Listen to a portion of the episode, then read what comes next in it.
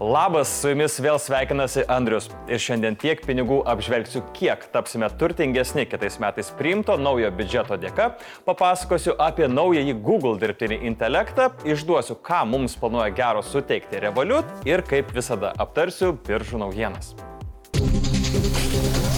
Vargais negalais priimtas 2024 metų biudžetas. Opozicija pasipiktinusi ir kaltina poziciją priekybą poveikiu, nes visi opozicijos pasiūlymai buvo atmesti. Ir vis dėlto atrodo, kad prieimus šį biudžetą tapsime turtingesni, didės pensijos, vaiko pinigai, numatytas minimalaus atlyginimo augimas.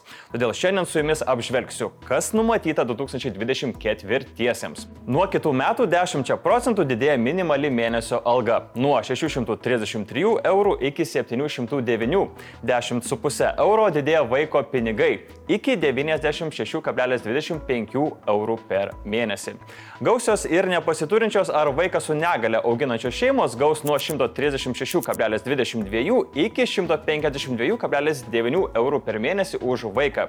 66 eurais didėja vienkartinė išmoka gimus vaikui. Pakils iki 605 eurų. Didės pensijos. Bendroji pensijos dalis didės daugiau nei 9,5 procento, o individualioji beveik 12 procentų.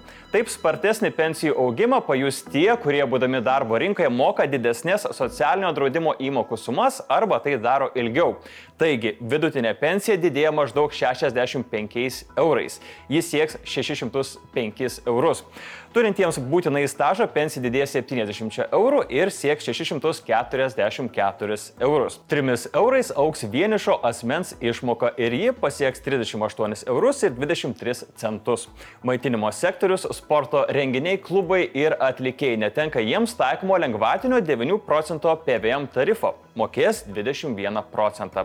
Tokia lengvata lieka galioti viešbučiams. Pelno mokesčio lengvatos iki 2028 metų pratestos investicijų projektams ir kino filmams. Daugiau pinigų už sunkų triūsą gaus gydytojai bei slaugytojai. Gydytojams atlyginimas kils 429 eurais ir sudarys 2854 eurus, neskaičiuojant papildomų mokestinių lengvatų. Tuo tarpu slaugytojų vidutinis darbo užmokestis sieks 1367 eurus. Beje, pirmą kartą nuo 2017 metų neauks valstybės tarnautojų atlyginimai.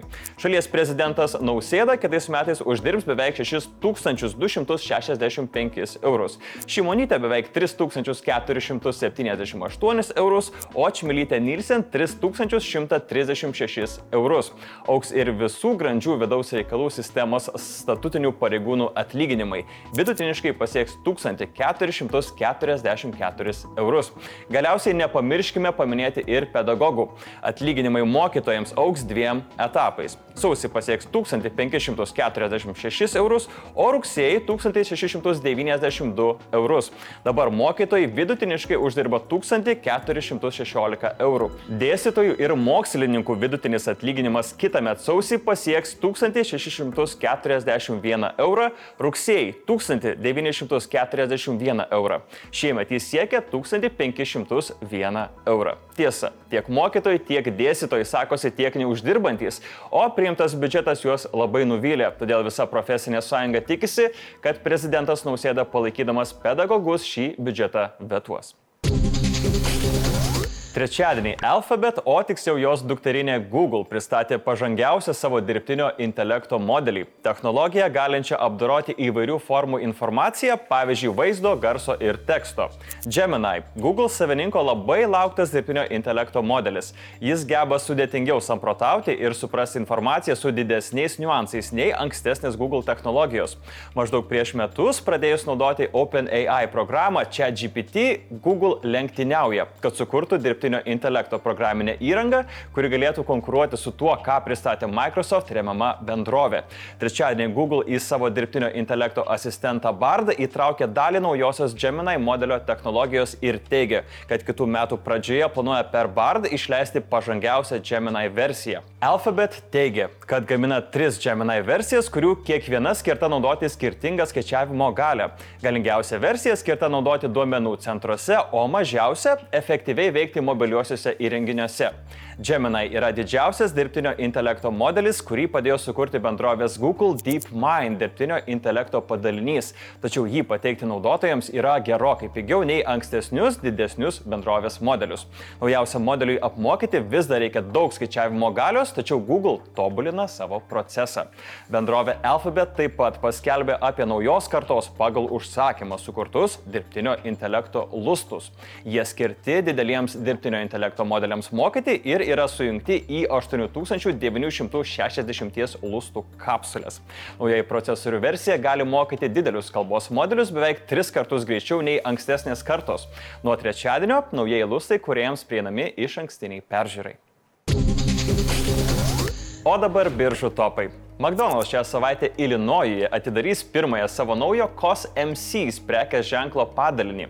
Iki 2024 metų pabaigos greitojo maisto milžinė planuoja bandomuoju būdu atidaryti 10 COS MCs padalinių, įskaitant 9 restoranus Teksase. Po metų analizės bus sprendžiama, ar verta tinklą plėsti toliau. Naujojo prekės ženklo pavadinimas kilo iš COS MC McDonald's Land talismano, kuris buvo rodomas 80-mečio pabaigoje ir 10-mečio pradžioje pradžioje reklamose. Kos MC yra ateivis iš kosmoso, kuris trokšta McDonald's maisto. Taigi, tokia idėja atrodo patikėjo investuotojai. Ir dar atrodo nedrasus, tačiau jau matomas akcijų pakelimas žada gerą pradžią. Pirmadienį aukso kaina pakilo iki rekordinio lygio, viršijančio 2100 dolerių už unciją. Tai yra už kiek daugiau nei 28 gramus, o po to šiek tiek atpigo. Geltonojo metalo kainos kilo du mėnesius iš eilės, nes Izraelio ir Hamas konfliktas Federas didino vadinamo saugaus turto paklausą.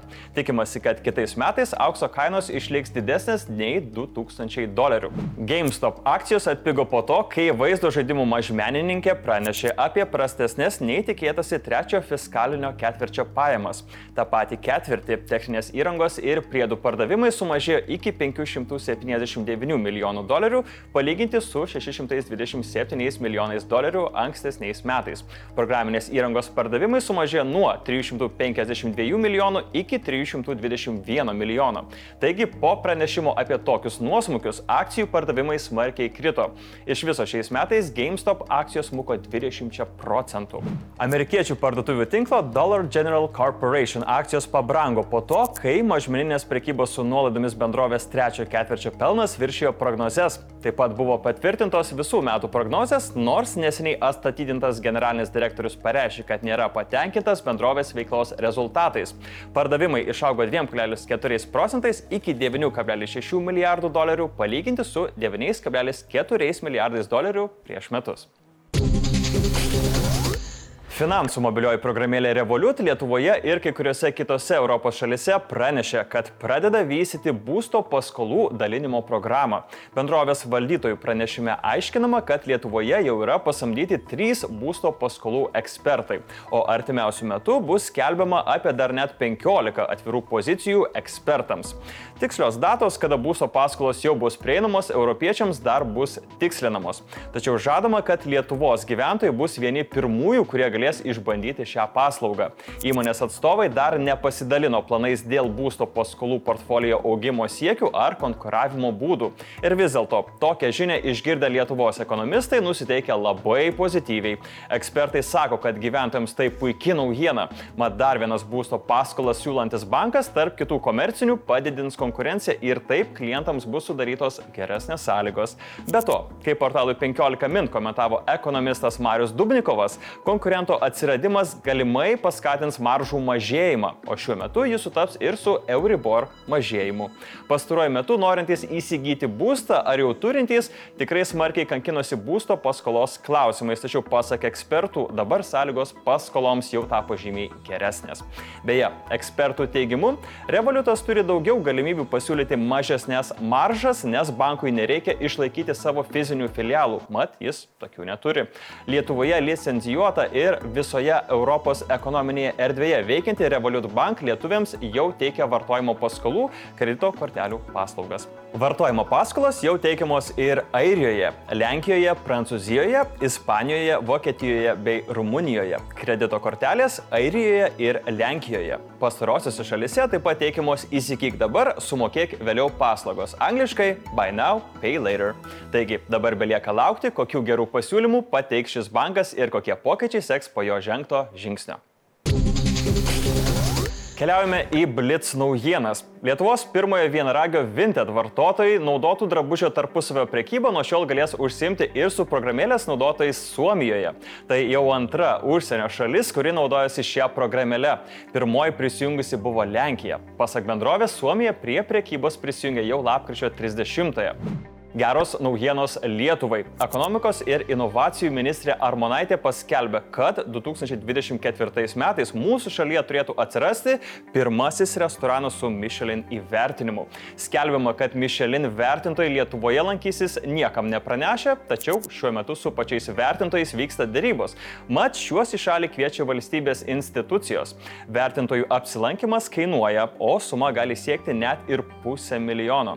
O kaip Jūs manote, ar mums tikrai reikia leisti pinigus šiam reikalui? Ir jei taip, tai koks restoranas jūsų nuomonė vertas Michelin įvertinimo? Skelbiamos vertingiausios Baltijos šalių įmonės. Mūsų džiaugsmui pirmaujančiame trejetuke atsidūrė Lietuvos bendrovės. Pirmoje vietoje Lietuvoje registruota bendrovė gaminanti ir visame pasaulyje platinanti produktus gyvybės mokslų diagnostikai - Thermo Fisher Scientific Baltics. Bendrovės vertė siekia virš 6,1 milijardo eurų. Antrąją vietą užėmė Revolut Holdings Europe. Šios įmonės vertė daugiau nei 5,9 milijardai eurų. Ir trečioje vietoje atsidūrė lietuviško kapitalo Vilniaus priekybo įmonių grupė, kurios vertė siekia maždaug 4,8 milijardus eurų. Sveikinam! Primenu, kad komentaruose rašytumėte, koks restoranas Lietuvoje būtų vertas Michelin įvertinimo. O aš su jumis jau atsisveikinu iki kitų kartų. Čia buvo Andrius, sveiki sveiki. Iki.